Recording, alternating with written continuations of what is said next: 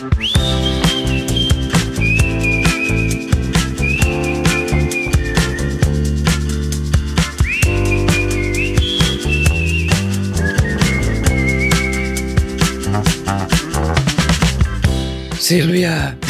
Què passa? fa molta calor. És el tema de moda entre els catalans. De què parlen els catalans? De la calor, la xafogó i les altes temperatures. És que, a veure, o sigui, uf, fa molta calor. De fet, fa poc al Discord vam compartir, en una xerrada que vam fer, vam compartir trucs per fer passar la calor més bé, no? tu tens algun truc per fer passar la calor? Aigua amb llimona. Aigua amb llimona. Sí. Uh -huh. Ben freda, no? Diuen que va bé. Et diré una cosa. La qüestió és beure. Ja, hidratar-se molt, sí, sí. Tant és que sigui cacaulat, com aigua, com el que vulguis, però beu. Sí, sí, sí. cosa. Jo sempre tinc com 4 o 5 ampolles d'aigua a la nevera i en vaig traient i tornant a posar, o sigui, sempre... Mm. Sí, sí. Hidratació, molt important. També el ventilador sempre encès, Emporta-te allà on vaiguis. sí. I dutxes d'aigua freda, bàsicament. Oh, tant. Però no serveix de res, això. Home, sí, una mica sí. M'he dutxat fa dues hores, m'hauries de veure com estic de suar. Clar, dues hores, eh, sí, sí. Ja és temps suficient per tornar a estar clar. Però Andreu, tio, vull dir, és que, que fa dues hores. Vull dir, no. Sí. Bé, però quan, quan estàs en un moment que dius és que no puc més, o sigui, tinc ja les neurones fregides, no puc pensar, eh, et fas la dutxa i com a mínim durant una estona, ni que sigui mitja hora, ja estàs millor, saps?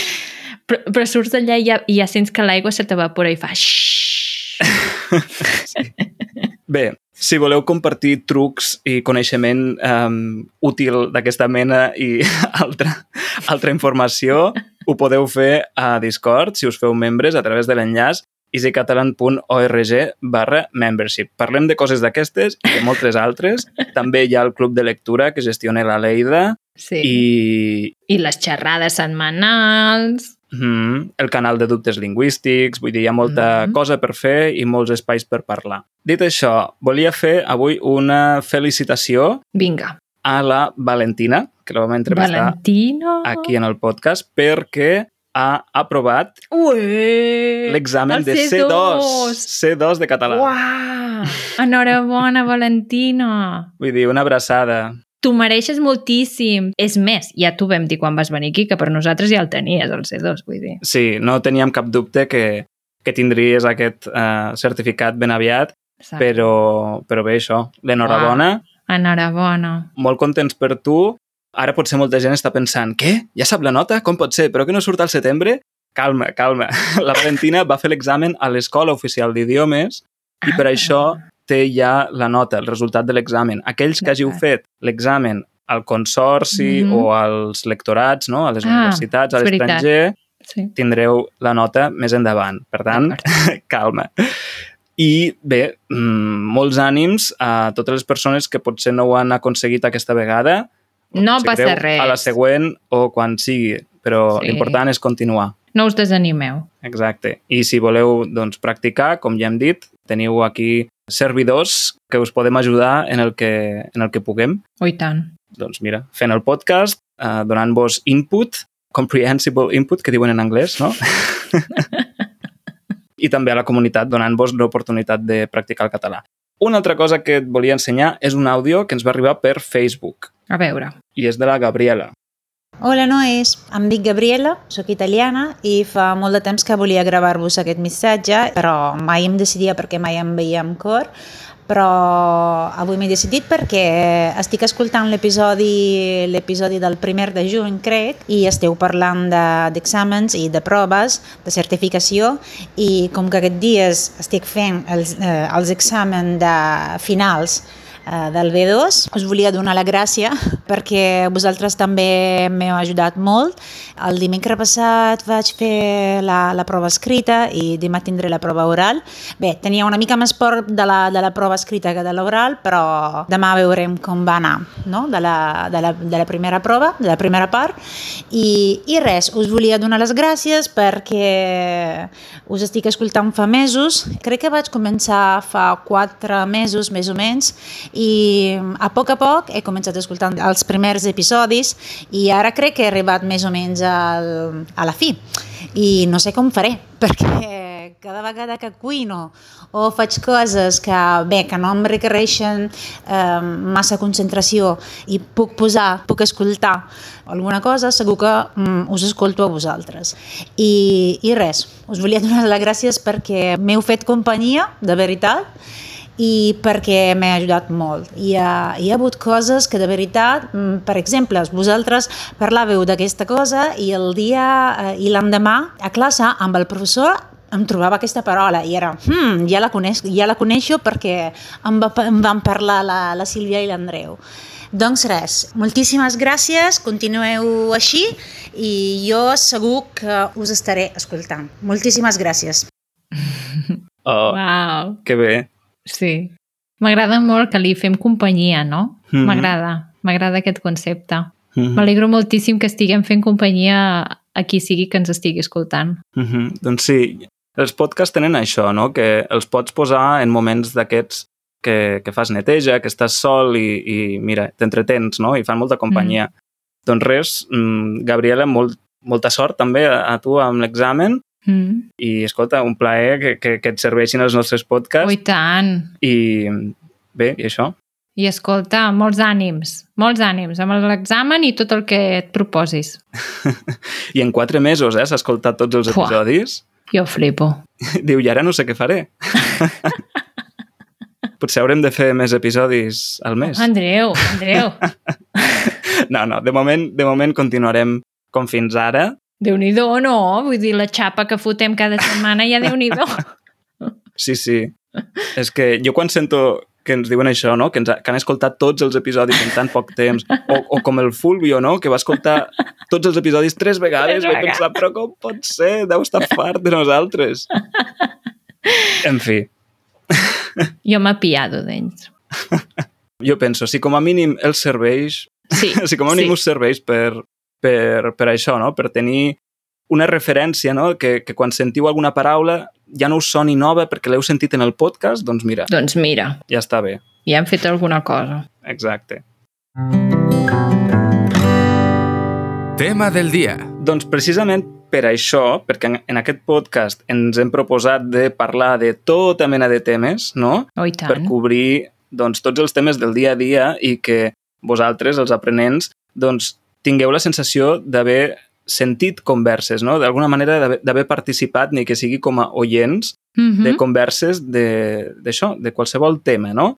Doncs avui he triat un tema que va sortir la setmana passada, en l'episodi de Això i allò, quan vas fer la pregunta de correu electrònic o carta, no? Ai, molt bé, vinga. El tema, diguéssim, no és tant eh, carta o correu electrònic com Ah. el fet d'escriure, o sigui, l'escriptura, d'acord?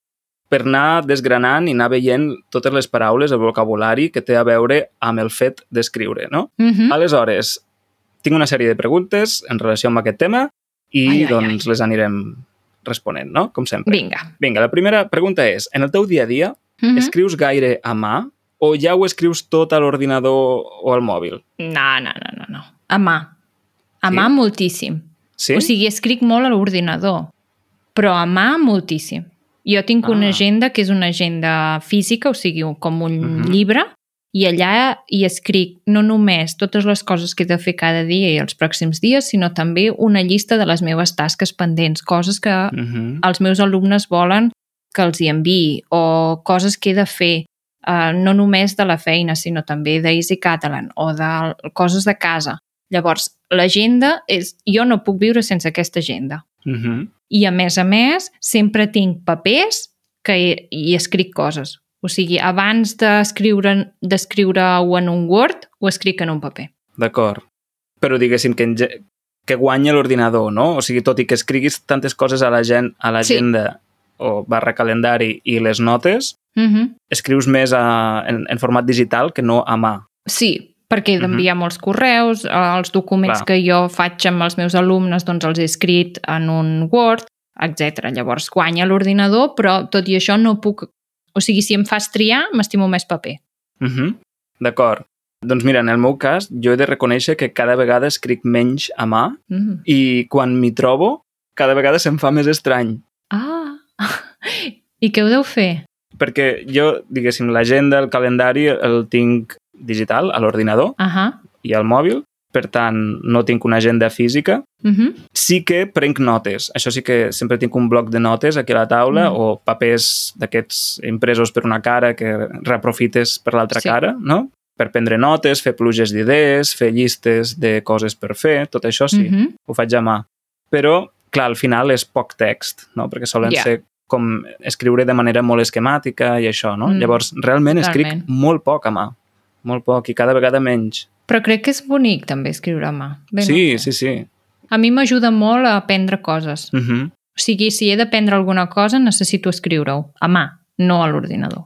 De fet, diuen que si poses una cosa per escrit, és com que estàs centrant-hi més l'atenció. O sigui, Mm. si tu vols dur a terme un projecte, doncs el fet d'escriure'l, de posar per escrit tot, a mà, no a l'ordinador, Mhm. sinó a mà, diguéssim, estàs contribuint a realitzar aquest projecte perquè hi estàs dedicant més atenció, Clar. uh -huh. que no només tenint la idea al cap. És que, a més a més, quan escrius a mà és una cosa que ho pots esborrar, no?, amb el típex, si vols, o alguna cosa així, però has de tenir més clar què vols fer, Mhm. no?, què vols escriure. En canvi, a l'ordinador, esborrar-ho és un moment Uh -huh. i tornar-ho a escriure.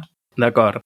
Ets dretana o esquerrana? És a dir, per qui no conegui aquests adjectius, escrius amb la dreta o escrius amb l'esquerra? Soc dretana. Sempre ho has sigut? Sempre ho he sigut i, i a més a més, amb l'esquerra, o sigui, amb la mà esquerra, gairebé no sé fer res, a part de carregar-hi tot el pes. Ah, O sigui, si he de portar molts paquets, me'ls carrego tots a la banda esquerra i llavors la banda dreta, com que és la mà que he d'obrir la porta o he de fer no sé què, no sé, aquesta mà lliure. clar, perquè és la teva mà hàbil, no? Sí. I la reserves per a les coses que requereixen més habilitat. Mm. Té sentit? Sí, sí.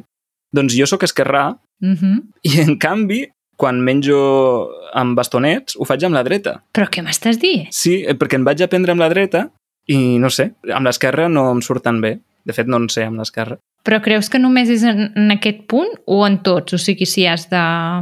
no sé, si has d'obrir una porta... No, no, sóc esquerrà amb la majoria de coses, D'acord. però amb aquesta concretament sóc dreta. Oh, mira sí, tu. Sí, una curiositat. D'acord. Estàs orgullosa de la teva lletra? És a dir, t'agrada la teva Sí. lletra? Sí. Ui, tant, orgullosíssima. D'acord. Pensa que jo he vist lletres dels meus alumnes que penso, buf! I a més d'un li he dit, o millores aquesta lletra o te'l suspendran a l'examen. Perquè quan fas un Clar. certificat hi ha moltes vegades que la persona que t'ha de corregir l'examen, si veu que allò és una lletrota, que no s'entén res, i que a sobre hi ha gargots, Mm. no?, i està mal fet i no sé què, diu, mira, això t'ho corregirà algú altre, però jo clar, no. clar. I llavors ho suspenen directament. I a molts alumnes li he dit, has de millorar, mm. Perquè no pot ser. O sigui, jo puc fer l'esforç d'entendre la teva lletra perquè em pagues, però aquella persona Clar, li sí, repampinfla. sí. En un examen la lletra ha de ser comprensible. Sí, això Mm. claríssimament. D'acord. Escrius amb lletra lligada o amb lletra d'impremta? Mm, Faig una barreja.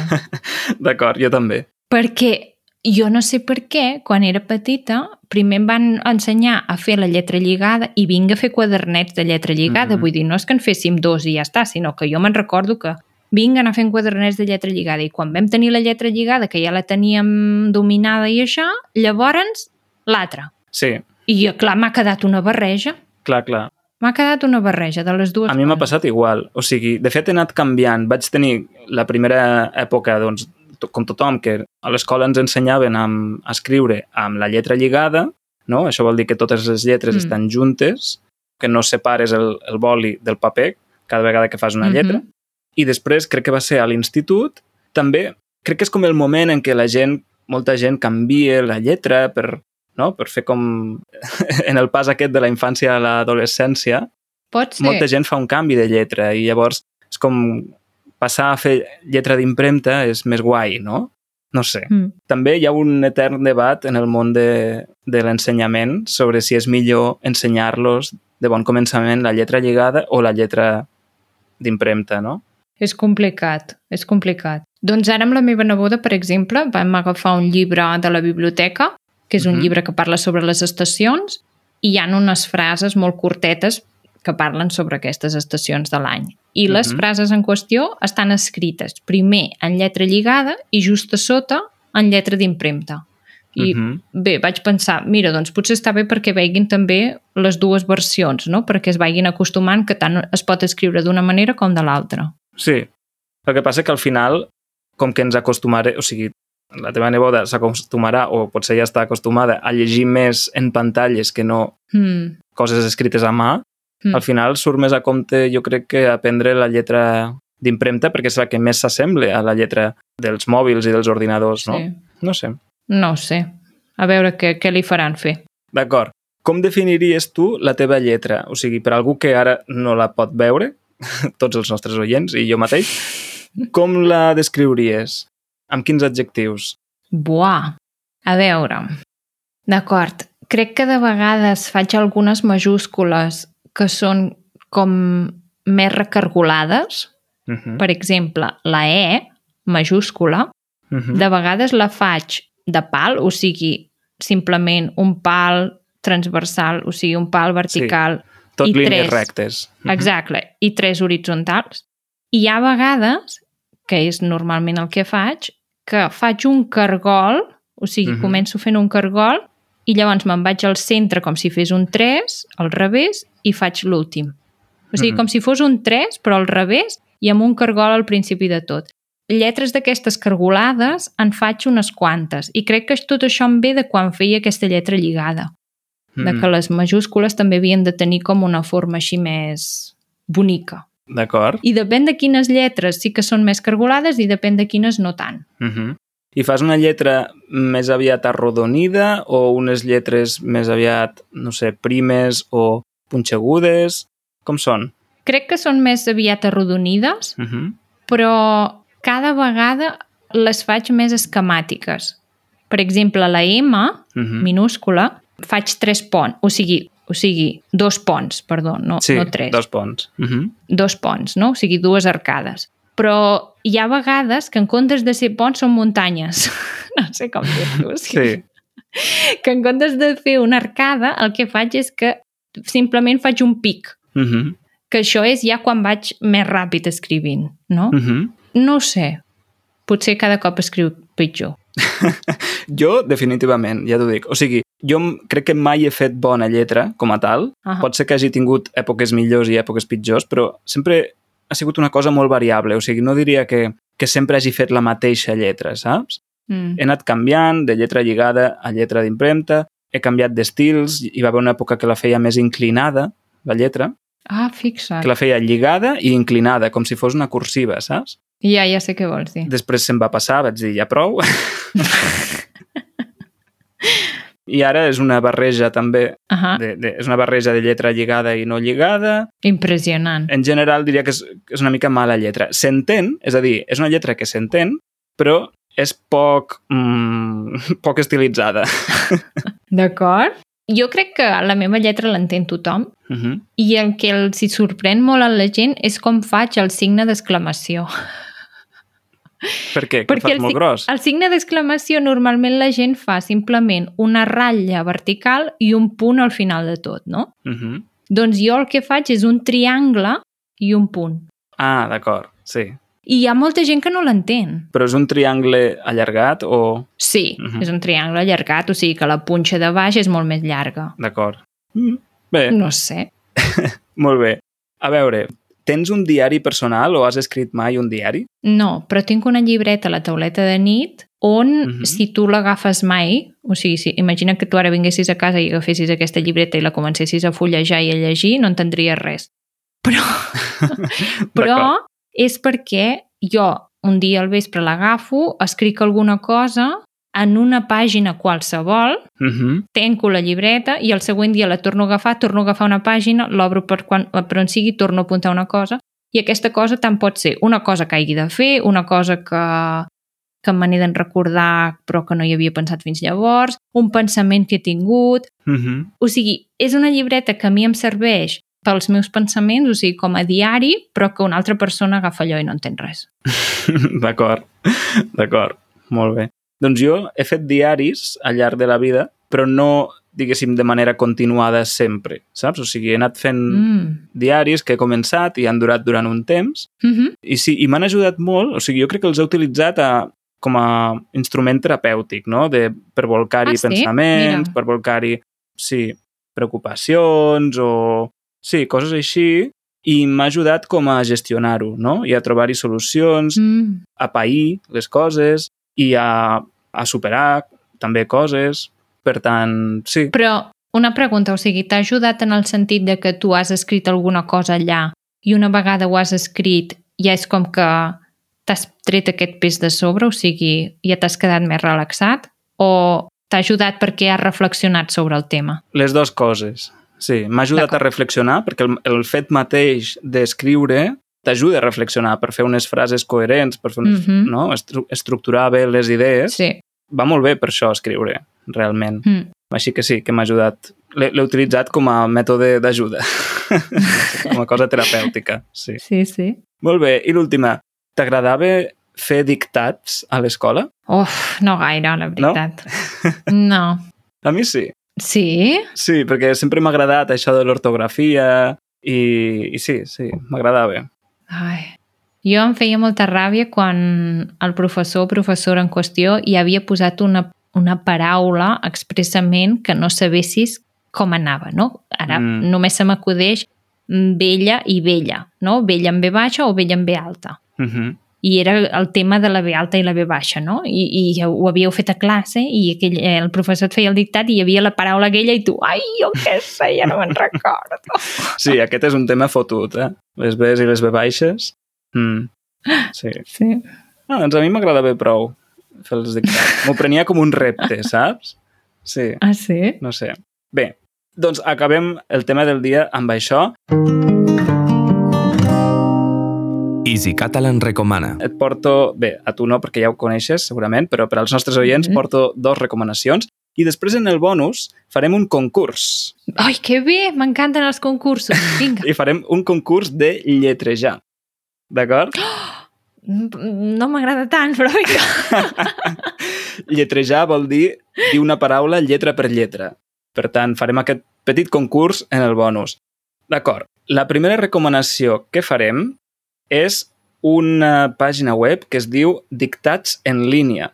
Ui, van molt bé, eh, aquests? Uh -huh. És un servei eh, de la Generalitat de Catalunya, públic, gratuït, on teniu diferents dictats classificats per nivells del B1 al C2, per tant, B1, B2, C1 i C2, i classificats també per aspectes ortogràfics. O sigui, per exemple, si tu dius eh, vull un dictat de nivell B1 que sigui sobre les vocals A i E, no? O sigui, les A's i les E's, o les O's i les U's, també Uh -huh. també tens un o diferents dictats per treballar les B altes i les, les B altes i les B baixes, els apòstrofs, les R's i les dobles R's, vull dir, Ai, ai, ai. hi ha molts O sigui, aspectes de tot. ortogràfics, sí. Per tant, podeu entrar-hi directament per aspectes ortogràfics o per nivell. Sí. I molts dels, molts dels seguidors ens han dit que aquest recurs els hi ha servit molt. Per tant, és Mhm. una cosa que recomanem sempre. Exacte. Teniu l'enllaç a les notes del programa, com sempre, i us animem a provar-ho per practicar doncs, aquell aspecte ortogràfic que us costi més, no? Si dius, hosti, és que a mi em costen les vocals, doncs mira, Sí. aquí les podeu practicar. O uh, jo tinc problemes amb les S sonores i les S, les S sí. sordes. És Doncs veritat. aquí, d'acord? Per tant, aquesta és la primera recomanació. I la segona és una cosa més entretinguda, és un programa de, de televisió que van fer durant Ai, un temps, sí. que ja saps quin és, no? Sí, el gran dictat. Exacte. El Gran Dictat, presentat per Òscar Dalmau, Uh -huh. que és un presentador de televisió mm, molt característic no? per la, els seus cabells, la seva barba, les seves ulleres, però també per la seva veu i la seva dicció, vull dir que Sí. com a model lingüístic és exemplar, Uh -huh. tot i que jo he de dir que sempre vaig trobar que les vocals neu neutres les feia massa poc neutres. o sigui, Bueno, Andreu, escolta, no es pot tenir tot, eh? no es pot tenir tot, no es pot tenir tot. Però bé, què és aquest concurs? Com el podem explicar? Doncs hi havia diferents parts del concurs, havien de trobar, hi havia una part que havien de trobar diferents paraules a partir d'una definició n'hi havia un altre que els ensenyaven com un jeroglífic, que era una imatge i havien de saber de quina paraula es tractava. I Mhm. llavors la, la prova estrella del concurs era el gran dictat. I és que l'Òscar del Mau, o sigui, el presentador, et deia una paraula, per exemple, libèl·lula, i el participant havia de lletrejar aquella paraula amb els ulls Mhm. tancats, o sigui, els hi posaven unes ulleres perquè no poguessin veure res i havia d'anar lletrejant lletra per lletra. Exacte. Va ser un concurs que va tenir molt d'èxit, la veritat. Eh, jo ho vaig mirar mo- moltes vegades Mm. i, i aprenies coses amb aquest programa també. Sí, Perquè moltes vegades sortien paraules que eren molt difícils sí, i d'altres paraules que potser eren del dia a dia però que mai t'havies fixat en com Mm. s'escrivien, no? Llavors, sí. anava molt bé per aprendre. Sí, la prova final del concurs, havent passat aquest, aquest, aquest minut en què havien de lletrejar, llavors es quedaven dos participants només i el presentador, i el presentador els hi deia una paraula i ells l'havien d'escriure i a veure si, quin dels dos ho havia escrit bé. No? Mm -hmm. I crec Exacte. que en, en aquest punt del concurs és quan hi havia algunes paraules que eren al nivell màxim, que eren paraules que no hem sentit a la vida, o sigui, que només són al diccionari, que no sabem ni de què es tracta, no? Mineral que només es troba al sud d'Itàlia, no sé... Bé, jo què sé. No? I hi havia una paraula que potser tenia 12 lletres i, i, i feia uns sons molt estranys. I llavors havien d'estar molt atents en com el presentador ho llegia per saber com s'escrivia. I després, o durant el programa, no recordo ben bé en quin moment, van fer l'aplicació. O sigui, van fer el joc del gran dictat i jo recordo haver-hi jugat moltíssim. Aquest veus? Joc. Sí, sí, sí. Mm. Deixarem també l'enllaç per si voleu provar-lo, si voleu Mm. posar a prova els vostres, eh, les vostres habilitats mm, ortogràfiques, diguem-ne, vostres coneixements, i, i això, ho teniu totes les notes del programa, com sempre. I res, eh, acabem aquí. Donem les gràcies a totes les persones que ens donen suport a través de la plataforma de Discord, que ho fan perquè s'han fet membres a easycatalan.org barra membership. Uh -huh. A tots els membres, a tots els mecenes de la nostra comunitat, moltíssimes gràcies per donar-nos suport, però també donem les gràcies al Departament d'Empresa i Treball de la Generalitat de Catalunya. Exacte, un suport que valorem moltíssim. Doncs moltes gràcies a tots per arribar fins aquí i fins a la setmana que ve. Que vagi molt bé. Que vagi bé. Adeu! Adeu, adeu.